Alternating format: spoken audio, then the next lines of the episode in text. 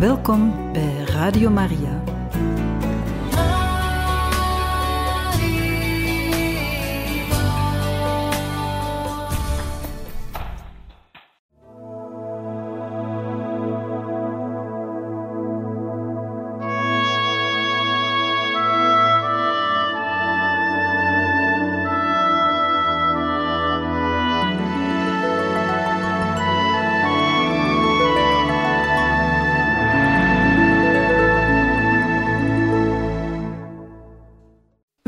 Waren bezig met het hoofdstuk Overhaast vertrek naar Hawaii in 1863-64.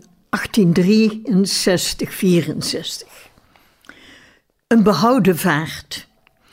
Voor de passagiers was er die eerste dagen vooral zeeziekte. Een hevige storm brak over hen los en alle religieuzen lagen ziek te bed op de twee Vlaamse zusters na. Die droegen kommen met weeën kots uit de benauwde cabines. Het stonk er naar zweet en gal, en uit de smalle reten die voor ventilatie moesten zorgen, begon de stank van rottend eten in het ruim door te dringen. De regel dat er alleen via de overste gecommuniceerd mocht worden, bleek onhoudbaar. Vier dagen lang riep de kapitein of de stuurman om de drie minuten de zeilen te hijsen of te reven. Maar eindelijk kwam de goede noorderwind. De boot raasde tegen hoge snelheid richting Engeland. In de verte hing een Carrara-witte plint over de zeevloer. De witte klippen van Dover, vertelde de bemanning. De wind zat zo goed dat het kanaal de Barg een race met de Royal Mail stoomboot hield en won, tot groot jolijt van alle opvarenden. Daarop viel de wind weer. Voor de passagiers was het prettig varen. De gladde zee respecteerde de maag. Aan dek grapten mannen met mannen, zusters met zusters. De rivaliteit tussen Belgen en Fransen was het voornaamste onderwerp van de moppen. Damiaan was actief. Als een matroos uitgeput even rustte, achtte hij het moment van bekering aangebroken. Hij begon de man, die vooral spierpijn en kramp voelde, uit te leggen waarom het Lutheranisme een ketterij was. Geerke vloog uit. Preken moest in Honolulu beginnen, niet aan boord.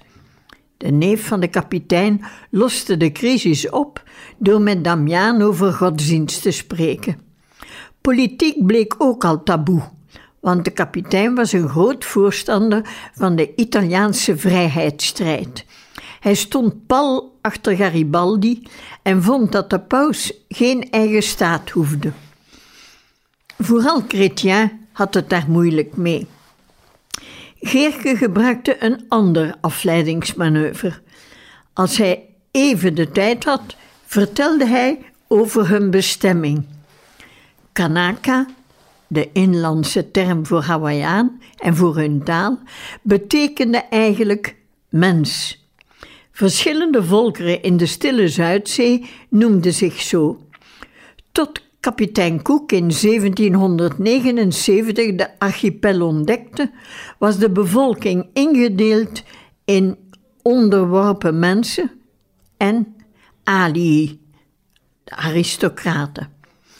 Als een kanaka, bijvoorbeeld een schaduw wierp op een deel van een koninklijk lichaam, kreeg hij de doodstraf. Diepe buigingen en totale onderdanigheid waren de codes waaraan een Kanaka zich moest houden. Die codes berusten op taboes. Kapu heette dat. Zo mochten vrouwen geen bananen eten en niet in de mannenhut eten. De beschermers van deze vaak futiele regels, waarop opnieuw de doodstraf kon staan, waren kahunas, priesters. Die hadden niet alleen een bestraffende functie. Op elk eiland waren er verschillende asielen, tempels waar verbrekers van een taboe mochten schuilen. Ook die asielen werden door kahunas gerund. Daartegenover stonden de heiaus, de offertempels, waar in 1819 en ook nog in 1863 fluisterde men mensenoffers werden gebracht. Pas op 16 november raakten ze uit het kanaal en in de golf van Biscayen zwol de wind weer aan tot een storm. Chrétien stortte in en lag siloos in zijn bunk toen moeder Judith hem een speciaal verzoek deed. Elk jaar bereidden de zusters met een driedaagse retraite de hernieuwing van hun gelofte op 21 november voor. Chrétien moest een programma opstellen. Hij krabbelde wat woorden neer. De zusters besloten toen zelf hun programma op te stellen. Drie uur dertig leek hen een geschikt tijdstip voor de mis. Dit zou de openingsviering worden van de driedaagse gebeds- en meditatiemarathon. Chrétien had hulp nodig en benoemde Damiaan tot diaken, ook al had hij die wijding nog niet gehad. Niet omdat hij de rituelen beter kende, maar wel omdat hij fysiek sterk was en hij hem zou kunnen opvangen wanneer hij door de hevige bewegingen van het schip zou omvallen. Damiaan werkte samen met een matroos een systeem met touwen en latten uit, zodat de kelk stabiel zou blijven staan. Hij trachtte ook wat meer ruimte te voorzien achter het altaar, zodat hij de wankelende priester kon opvangen. Drie dagen lang hielp Damiaan Chrétien bij het kleden en ondersteunde hij hem toen hij naar de dagkamer ging. Hij hielp hem bij de mis en de gebeden, zei hem delen voor, nam soms zelfs over. Alles verliep haspelend vlot. Het werd pas echt goed varen toen ze de Kriefskeerkring bereikten. Op de wieken van de passaatwinden hield de R.W. Wood vanaf 10 december een gestadige snelheid aan. De boot schoof stabiel op de relatief vlakke zee. Het werd ook alsmaar warmer en daarom brachten de passagiers hun dagen aan dek door, onder het grote zeil dat tussen de twee masten was gespannen. Een schaduwrijke rustplaats was prettig, maar belangrijker nog was het vangnet voor de regen dat het zeil vormde. Als de kapitein over enkele weken zou oordelen dat er genoeg zoet water in de vaten zat waarin de matrozen het regenwater verzamelden, zouden ze rechtstreeks naar Hawaii kunnen varen. Veel afwisseling was er niet. Ze zeilden, lang de, ze zeilden langs de Kaapverdische eilanden, maar konden niet veel zien, want de vulkanen waren in een wolk gehuld. Daarna was er alleen de boot, de blauwe lucht, een regenbui en de eeuwige zee. Scholen dolfijnen speelden rond de boot. De matrozen trachten met een harpoen vis te vangen. Het was een spektakel als er een zwaardvis of een octopus gevangen werd, wat vers eten betekende. De schapen en varkens die op het dek in hokken zaten, werden immers steeds magerder en de kippen legden veel minder eieren. Het voedsel werd almaar slechter en zouter. Als er een haaienvin rond de boot cirkelde, stak een matroos een homp vlees op de tanden van de harpoen en maakte hij tien tot twaalf vadem touw aan de steel vast om het wapen zeker niet te verliezen. Als de harpoentanden met hun weerhaken eenmaal vat hadden, begonnen de matrozen te trekken. De kapitein beval de passagiers achteruit te gaan. Zelfs aan dek kon een haai een arm, been of hoofd afbijten. Met veel spierkracht, geroep en gekreun kwam het ondier op het natte dek terecht. De rug sloeg nog krachtig en de muil hapte naar de omstanders. Met een slagersmes maakte een matroos het dier af. Pas dan liet Geerke de passagiers naar de driedubbele tanderij kijken. Net als in het café van Jan van Rivieren, besloot Damiaan, terwijl hij het dier bestudeerde. Boven de buitendeur hing daar een schilderij met een haai. Damiaan had weinig tijd om aan Tremelo te denken, want hij had het druk. Hij had zijn religieuze taken en hij moest studeren. Hij werkte mee met de matrozen en klom met hen in het getouw om zeilen te hijsen en te strijken. Het was ontspannend en gaf hem lichaamsbeweging. Door het vetarme eten en het eindeloze stilzitten leden de meeste passagiers aan zware constipatie. Terwijl hij bij het vertrek versteld stond over de hoeveelheid togen die Parijs voor onderweg voorzien had, zag hij nu dat het leven aan boord sletig was. De zomen bleven aan getouw hangen en scheurden. De klamme zeelucht maakte alles vochtig. Wassen met zeewater verkleurde het zwart tot grijzig groen. Herstellingen moest Damiaan aan de zusters geven. Dat gebeurde niet via de overste. Direct contact tussen de mannen en vrouwen was in dit geval logisch.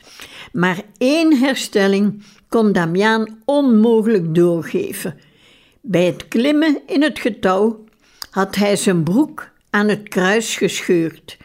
Damiaan zocht hiervoor zelf naar een oplossing. Hij vond een stuk stevig karton en besloot dat met kaarsvet aan de stof te kleven. Omdat hij geen tafel had, zat hij geknield op de grond.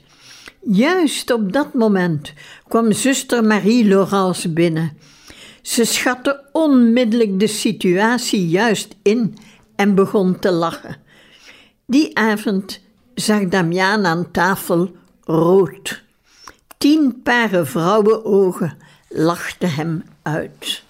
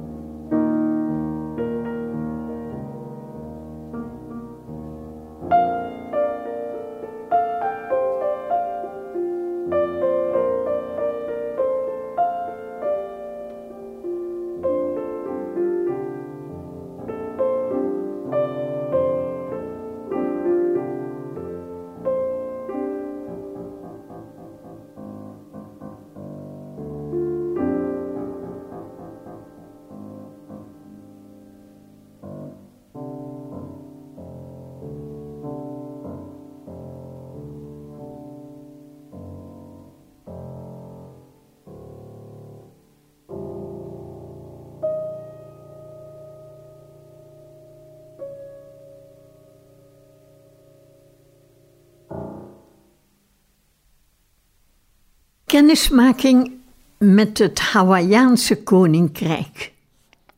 Nu het prettig varen was, bracht de kapitein meer tijd door met de passagiers en informeerde hen over het land waar ze heen zeilden. Captain Cook had de nieuw ontdekte eilanden genoemd naar John Montagu, Earl of Sandwich, die toen aan het hoofd stond van de Britse admiraliteit. Sandwich-eilanden was de Britse benaming. De Amerikanen en ook de meeste Fransen verkozen Hawaii, naar het grootste eiland van de archipel, dat ook Hawaii heette. Damiaan verstond Awaya. De lokale Napoleon, Kamehameha, was daarvan afkomstig. Cook werd ook al op Hawaii door ontgoochelde Kanaka vermoord. Kort daarop stond Kamehameha, een jonge Ali, een edele, zoon van een toen vervolgde lokale potentaat, op. Vanaf 1796 zette Kamehameha als volwassen man een veroveringsoorlog op met de hulp van Britse matrozen die hooggeboren Ali-vrouwen hadden gehuwd. Veel leden van de koninklijke familie stamden af van John Young, een Britse deserteur. Met vuurwapens veroverde Kamehameha eerst zijn eigen eiland. Een belangrijke slag vond plaats rond de actieve vulkaan Mauna Loa. De vijandige chef Keona had zijn kamp opgeslagen op de zuidelijke flank. Er brandden vele kampvuren, wat betekende dat de tegenstander numeriek de overmacht had. Maar de vulkaangodin Pele stond aan de kant van Kamehameha, want Keona had haar onvoldoende offers gebracht. In het midden van de nacht verscheen ze als een gigantische wolk. De aarde schokte, rode lava spoot omhoog, grote rotsblokken vlogen door de lucht. De troepen van Keona werden neergekogeld, ondergespoten met lava of verstikte in de, gasvolk, in de gaswolk waarin Pele hen hulde.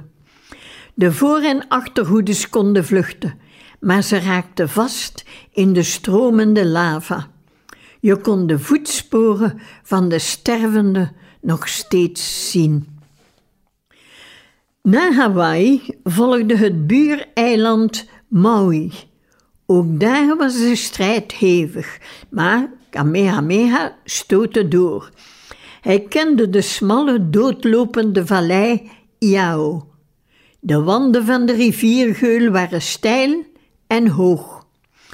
Zijn strategie om de vluchtende vijanden in die vallei te dwingen lukte. De slagpartij was zo bloedig dat de rivier rood kleurde. Wailuku, rood water, heette de belangrijke suikerstad aan de uitgang van de vallei. Met die slag palmde Kamehameha ook Molokai en Lanai in. Op het eiland Oahu vonden op de berghoogte achter Honolulu bloedige gevechten plaats, maar het eiland Kauai gaf zich over. Alle mogendheden steunden de sterke man, steunde de sterke man, want de eilanden waren strategisch van groot belang. Zowel Groot-Brittannië als Frankrijk, de Verenigde Staten en Rusland wilden de Pearl Locks bij Honolulu inpalmen, omdat dit watersysteem van fjorden een ideale overwinteringsplaats voor hun vloot vormde. Wie de Hawaiianen bekeerd had, was een delicaat onderwerp. Zeker Cook niet, want de Hawaiianen waren ervan overtuigd dat hij de incarnatie was van de witte god Lono, van wie gezegd werd dat hij in een vreemd ogend vaartuig naar de eilanden zou terugkeren. Toen de Discovery en de Resolution een baai op het grote eiland invoeren, waren de Kanaka, zo goed als naakte vrouwen, naar de boot gezwommen. Ze boden zichzelf zonder scrupules aan de blanke goden aan. De avond, en eigenlijk de hele winter van 1778, was één grote orgie. De vrouwen droegen de foetussen die de blanken hun gaven met trots, maar de lokale kruidendokters wisten niet hoe de nieuwe ziekte te genezen. Syfilis en andere geslachtsziekten gingen als wild vuur door de Polynesische bevolking, die dergelijke seksuele aandoeningen niet kende. Cook zeilde in de zomer naar het noorden in de hoop een ijsvrije doorvaart van de stille Zuidzee naar de Atlantische Oceaan te vinden. Dat mislukte en hij keerde in de herfst van, van 1779 terug naar Hawaii, waar hij omkwam tijdens een schermutseling met de lokale bevolking. Die zag in hem geen god meer, maar een veroveraar die een stoet ziekte in zijn zog meevoerde. Het uitsterven van de Hawaïaanse bevolking werd een probleem.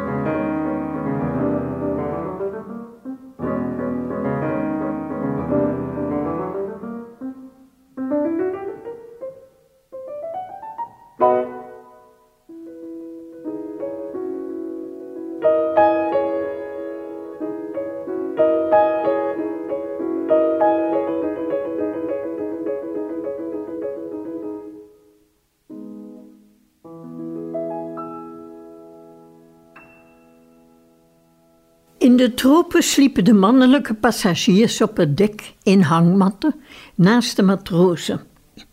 De zusters waren ook graag op het dek gebleven, maar zij moesten uit zedigheidsoverwegingen in hun broeiende kajuiten de nacht doorbrengen. Daarom rekten ze de avonden op het dek. De kapitein beschreef hoe vanaf 1810 Kamehameha de Grote als koning over de hele, hele archipel heerste. Zijn nieuwe vijanden deden zich vaak als vrienden voor. Toen het nieuws van de ontdekking van paradijselijke eilanden Europa bereikte, vertrokken zowel militaire expedities als avonturiers naar de stille Zuidzee. Captain Vancouver, die Cook opvolgde, trachtte met Kamehameha vriendschappelijke betrekkingen aan te knopen en schonk hem runderen.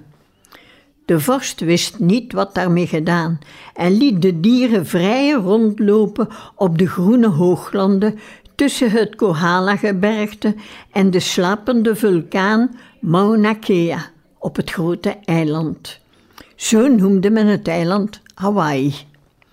Ze verwilderden en vormden al snel een gevaar voor de bevolking die geen giftige of roofdieren kende.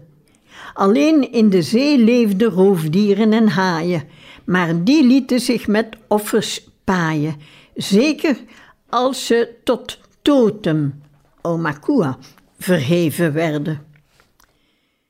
Kamehameha droeg de Britse deserteur John Parker op de wilde runderen te vangen. Hij mocht ze ook houden. Parker had hiervoor grasland nodig en vroeg de provincie Grote Hooglanden en vroeg de provincie Grote Hooglanden. De vorst, die ook Parkers huwelijk met een hooggeboren Hawaïaanse goedkeurde, gaf hem de grootste landeigendom van de eilanden.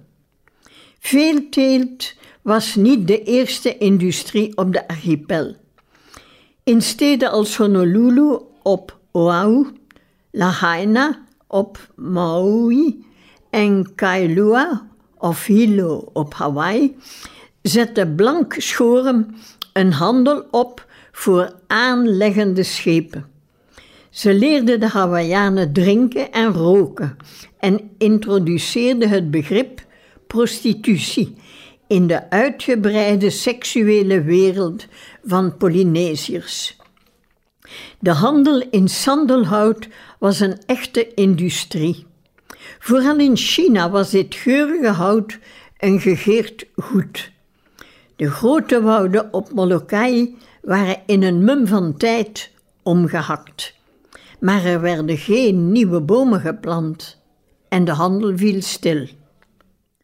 Rond de eilanden overwinterden walvissen en dat deden ook de gore walvisvaarders. Zo konden ze ook tijdens de elders koude maanden doorjagen en de dieren afslachten. Walvissen brachten rijkdom. Het vlees werd gedroogd, het gebeente verkocht als baleinen voor vrouwenkorsetten. Het belangrijkste onderdeel van de vissen was de vette lampolie. Walvisvaarders versterkten bij de inlanders de idee dat de moderne westerse maatschappij leefde op alcohol en betaalde liefde. De directeurs van de protestantse congregationalistische missiebeweging besloten in 1820 een eerste groep missionarissen naar Hawaii te sturen.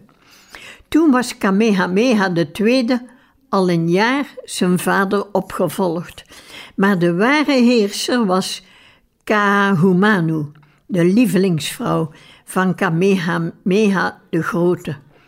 Zij zag het belang van lezen en schrijven in en wilde dat de Ali, de edele, zo snel mogelijk die kunst zouden beheersen. De missionarissen deden meer dan lesgeven aan de kinderen van de chefs in hun school in Honolulu en later op andere eilanden. Ze brachten het begrip puritanisme binnen. Werkte op zondag mocht niet. Alcohol en tabak waren uit de boze. Prostitutie was doodzonde. Ze gingen in de clinch met de walvisvaarders, maar ook met de Hawaiianen. Ze brachten evenwel artsen mee, die wisten hoe sommige van de nieuwe ziekten, zoals windpokken en mazelen, te bestrijden. Deze gesprekken vulden de tropische dagen en nachten onder het grote zeil. De zusters trachten de conversatie zo lang mogelijk gaande te houden, want dan hoefden ze niet naar de stank, de ratten en de kakkerlakken in hun kamers. Om de gedachten te verzetten, speelden ze het zonnespel. Op de middag ging een vrijwilliger in de zon staan om zijn schaduw te laten meten. De dag dat hij of zij geen schaduw meer had, zouden ze de Evenaar oversteken. Die nacht zou iedereen die dat voor het eerst deed, gedoopt worden. Toen de kapitein op 21 december de vaten schnaps uit het ruim liet hijsen, verdwenen de zusters spoorslags naar hun oververhitte kajuiten. Maar de priester en de vijf broeders wilden de doop van de neef van de kapitein en een matroos zien. Neptunus met naakt bovenlijf en een drietand in de hand en zijn koningin met twee deksels als borsten op het eveneens naakte bovenlijf gingen elk op hun troon zitten en riepen het eerste slachtoffer. De barbier knipte met een botte schaar twee gleuven in het lange haar van de kajuitjongen en smeerde zijn hoofd daarna in met zeep tot het wit was van het schuim. De jongen kreeg een baard van teer opgekleefd, die met een houten spatel vluchtig werd weggekrapt. De knaap werd herhaaldelijk in een vat met zeewater gedompeld, tot hij snuivend naar adem snakte. Ik doop je, zei Neptunus, terwijl de matrozen een rauwe verzameling obsceniteiten en beschamende beledigingen schreeuwden. De knaap werd uiteindelijk over een koord gegooid die de evenaar symboliseerde. De neef van de kapitein moest alleen maar naar een reeks obsceniteiten luisteren. Daarmee was de doop over en was het tijd voor het feest. De schnaps die de kapitein liet uitschenken, werd snel opgedronken en naarmate de nacht vorderde, werd het jolijt luidruchtiger. De volgende dag bewogen de meeste zeelui zich trager.